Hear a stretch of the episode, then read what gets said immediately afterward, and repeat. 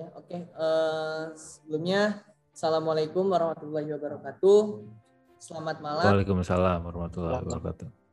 Selamat malam teman-teman semua. Selamat malam juga untuk Bapak narasumber kita yang telah menyempatkan hadir pada hari ini untuk membantu teman-teman Ya, dari sama-sama. kelas C semester 4 program studi kewirausahaan Universitas Pendidikan Indonesia. Nah, kali ini kita kedatangan salah satu narasumber yang sangat luar biasa sih kayak gitu. Eh, beliau juga adalah salah satu dosen di program studi kewirausahaan Universitas Pendidikan Indonesia yaitu Bapak Ismail Yusuf. Halo Pak. Halo semua, sehat-sehat. Bagaimana Pak? Alhamdulillah. Halo Pak. Alhamdulillah sehat Pak. Alhamdulillah Alhamdulillah. sehat. Mungkin kita langsung masuk aja Ya. ke inti dari pertemuan kita ka- kali ini yaitu tentang bisnis digital dan juga bisnis konvensional. Nah, eh, di sini saya mungkin ingin mengetahui gitu Pak lebih jauhnya tentang apa sih tentang bisnis digital dan juga bisnis konvensional menurut Pak Yusuf. Baik, eh, yang saya tahu bisnis konvensional dan bisnis digital itu eh, perbedaan di medianya ya. Jadi kalau konvensional kita masih harus buka toko ya. Kalau digital memasarkan produk kita melalui platform online gitu ya. Jadi singkatnya seperti itu perbedaannya. Oke Pak, Eh, jadi dari kedua bisnis itu benar-benar terlihat berbeda gitu ya Pak. Eh, mungkin kalau bisnis konvensional itu masih bisa dibilang cukup ribet juga karena kita mem- memerlukan tempat untuk menjual produk-produk kita. Tapi di bisnis digital ini kita bisa mendapatkan kemudahan dengan menjual produk-produk kita melalui platform atau e-commerce e-commerce yang ada di era saat ini gitu. Nah mungkin dari teman-teman nih ada yang ingin ditanyakan nggak tentang bisnis digital dan bisnis konvensional kepada Pak Yusuf? Nah, ada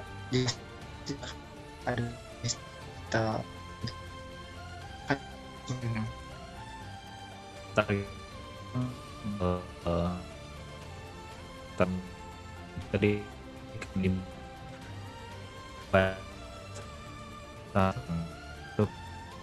ber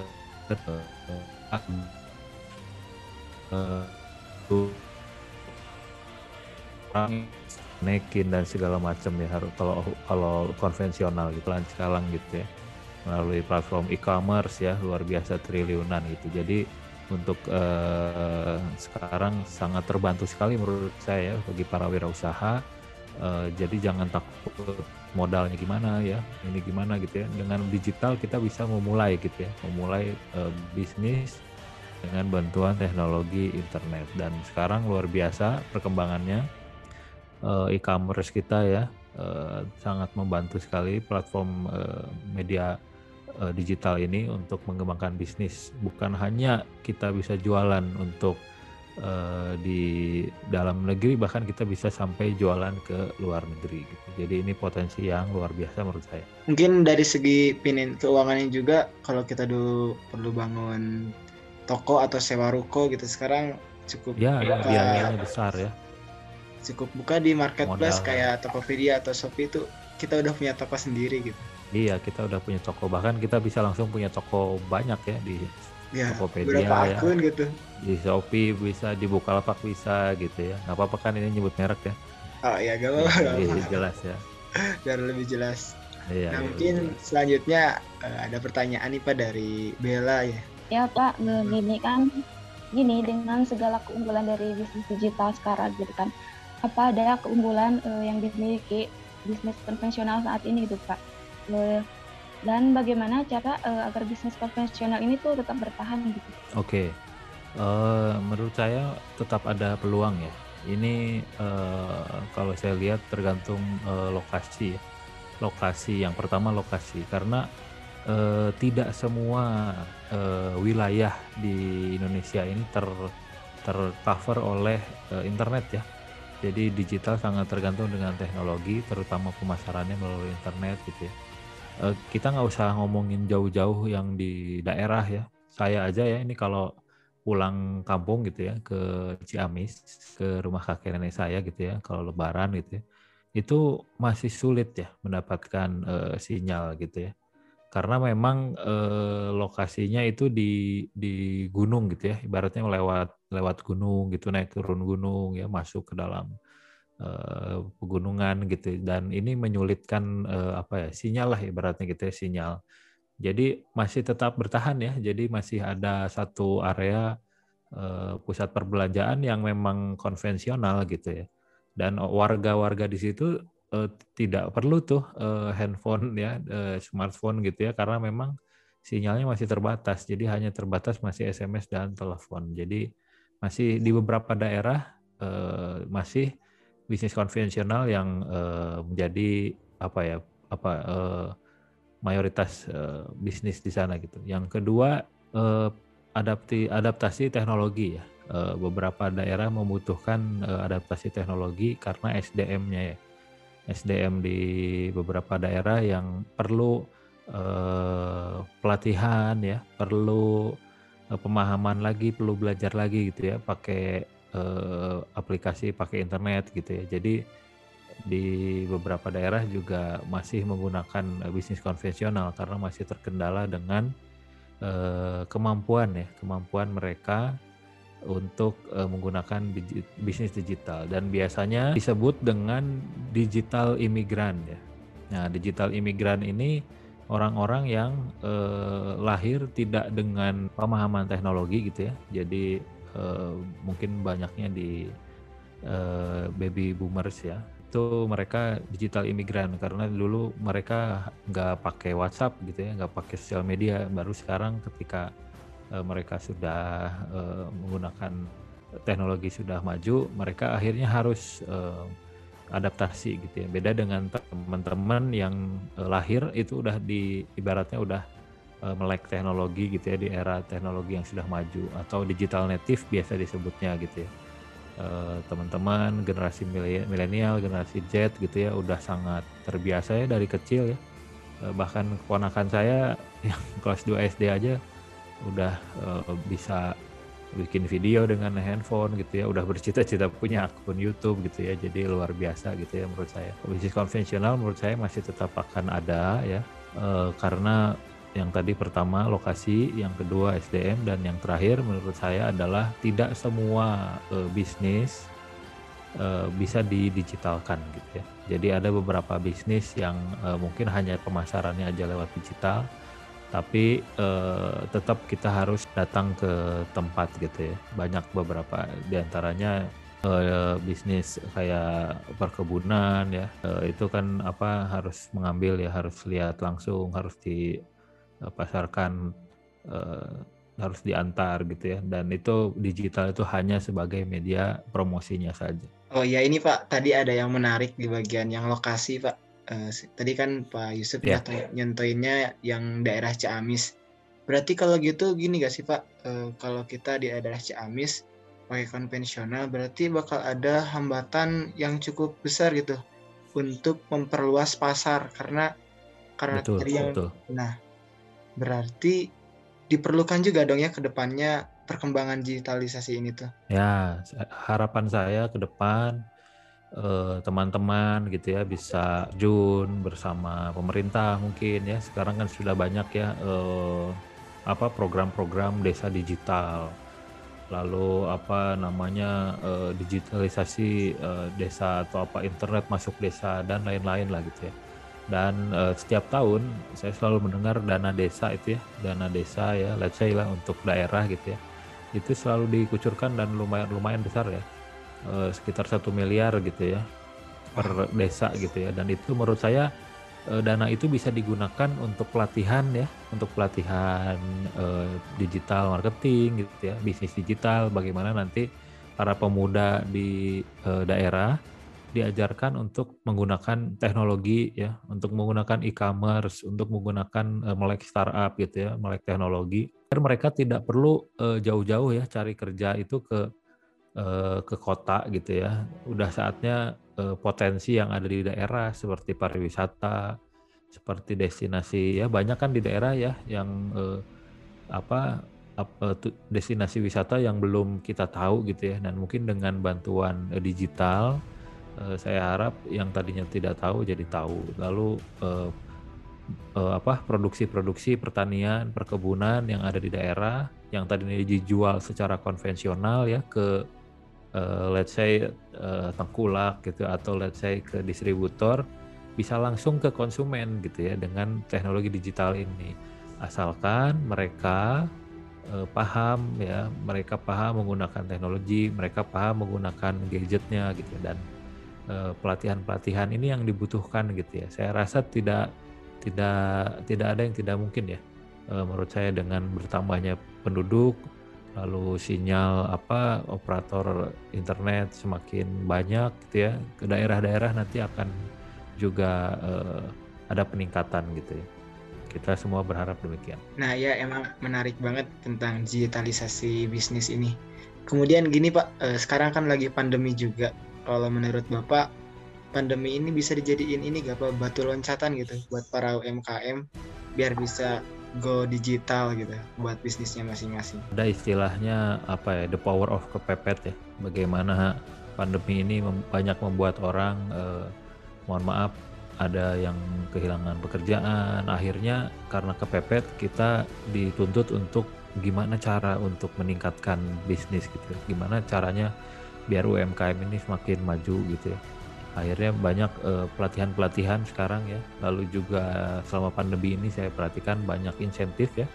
Banyak insentif insentif usaha ya. Uh, lalu kredit kredit dipermudah ya.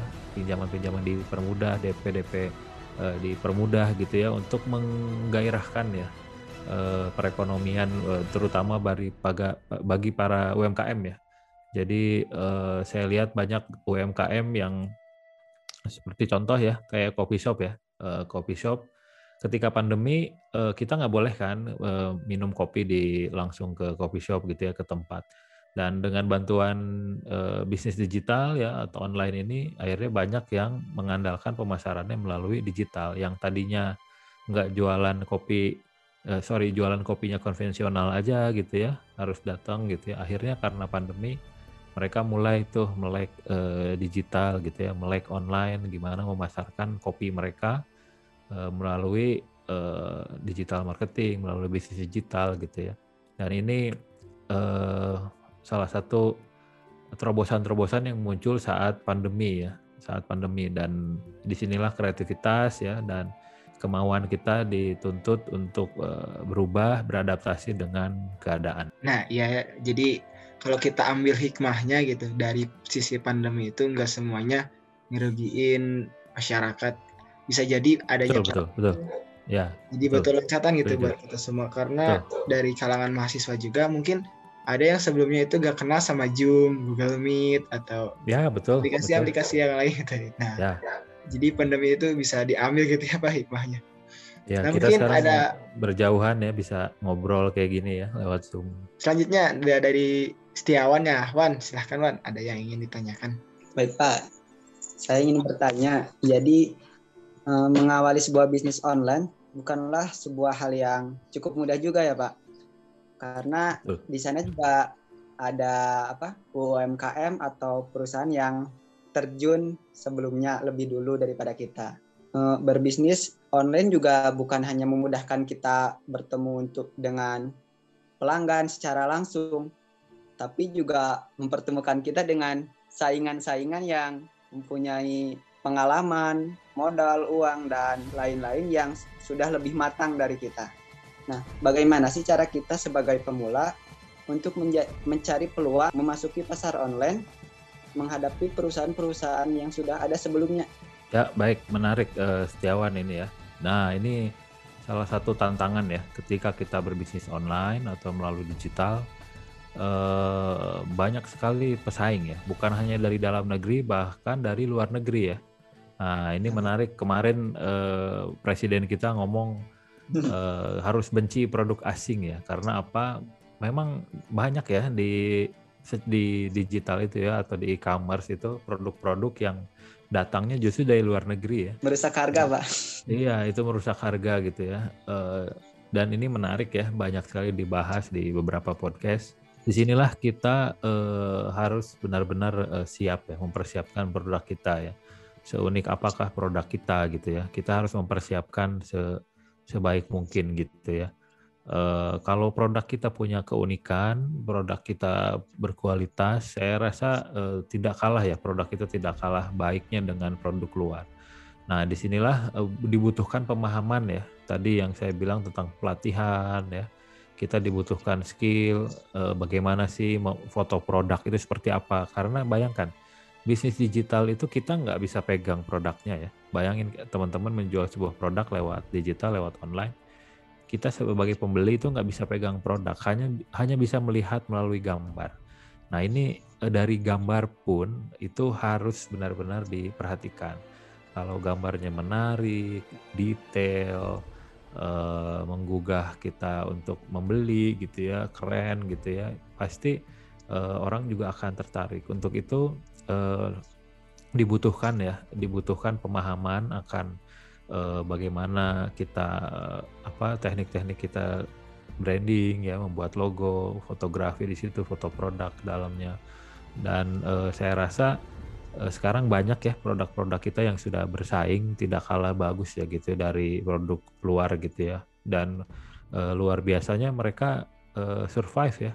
Uh, contohnya kayak uh, sepatu lokal ya. Sekarang banyak ya sepatu-sepatu brand-brand sepatu lokal muncul ya dan mereka penjualannya itu ya bisa dibilang online ya. Online-nya luar biasa gitu ya. E, bagaimana memanfaatkan sosial media, foto-foto produknya yang bagus dengan model e, orang asing bahkan ya ada produk lokal kita yang e, di apa memasarkan produknya dengan foto model orang asing gitu ya. Jadi terkesan seperti produk luar gitu ya. E, meyakinkan gitu ya dan ini menggerakkan e, konsumen untuk e, membeli gitu ya selain harganya juga bersaing ya harganya luar biasa bersaing gitu ya. Nah ini penetapan harga juga uh, penting ya teman-teman. Sebagai produk-produk baru ya tadi seperti sejauhan baru mulai terjun ke dalam dunia online uh, pricing ini penting ya penetapan harga ini penting gitu ya. Jadi uh, pilihannya margin kecil tapi steady terus berkembang gitu ya dengan harapan nanti si siklus produknya akan terus menaik gitu ya atau menetapkan harga yang tinggi premium tapi sulit ya sulit untuk berkembang gitu ya ini silahkan di uh, apa diperhatikan gitu ya karena tadi persaingannya luar biasa ya bukan hanya dengan dalam negeri tapi dengan luar negeri gitu. Nah, mantap iya. Pak terima kasih jawabannya.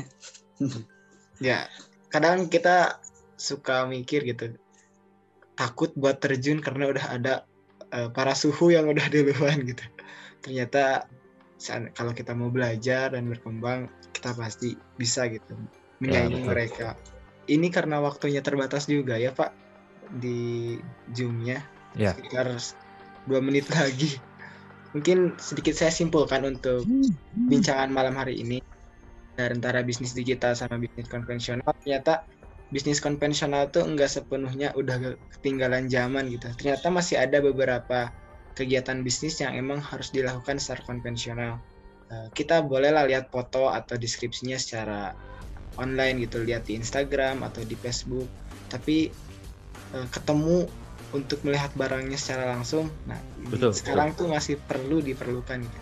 Dan betul. bisnis digital itu sendiri ternyata punya tantangan yang cukup besar gitu di era sekarang karena rasanya untuk beberapa generasi utamanya generasi baby boomers eh, kemampuan literasi digitalnya itu belum sebaik ya. kita gitu generasi ya, milenial atau generasi Z sehingga mungkin ini bisa jadi tantangan tersendiri gitu bagi kita semua khususnya mahasiswa kewirausahaan tentunya yang emang ya. bergerak di bidang wirausaha atau bisnis. Wirausaha.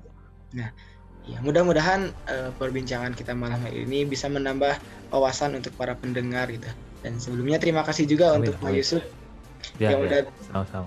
memberikan waktunya Senang gitu bisa berada di sini. Ya. ya, terima kasih sekali lagi untuk Pak Yusuf dan teman-teman ya. yang lainnya, Aldino Setiawan, Bella Putra.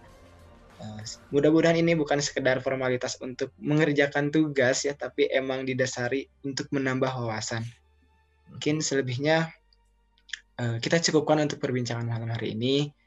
Uh, saya tutup saya tutup selaku pembawa acara di kegiatan podcast malam hari ini. Assalamualaikum warahmatullahi wabarakatuh.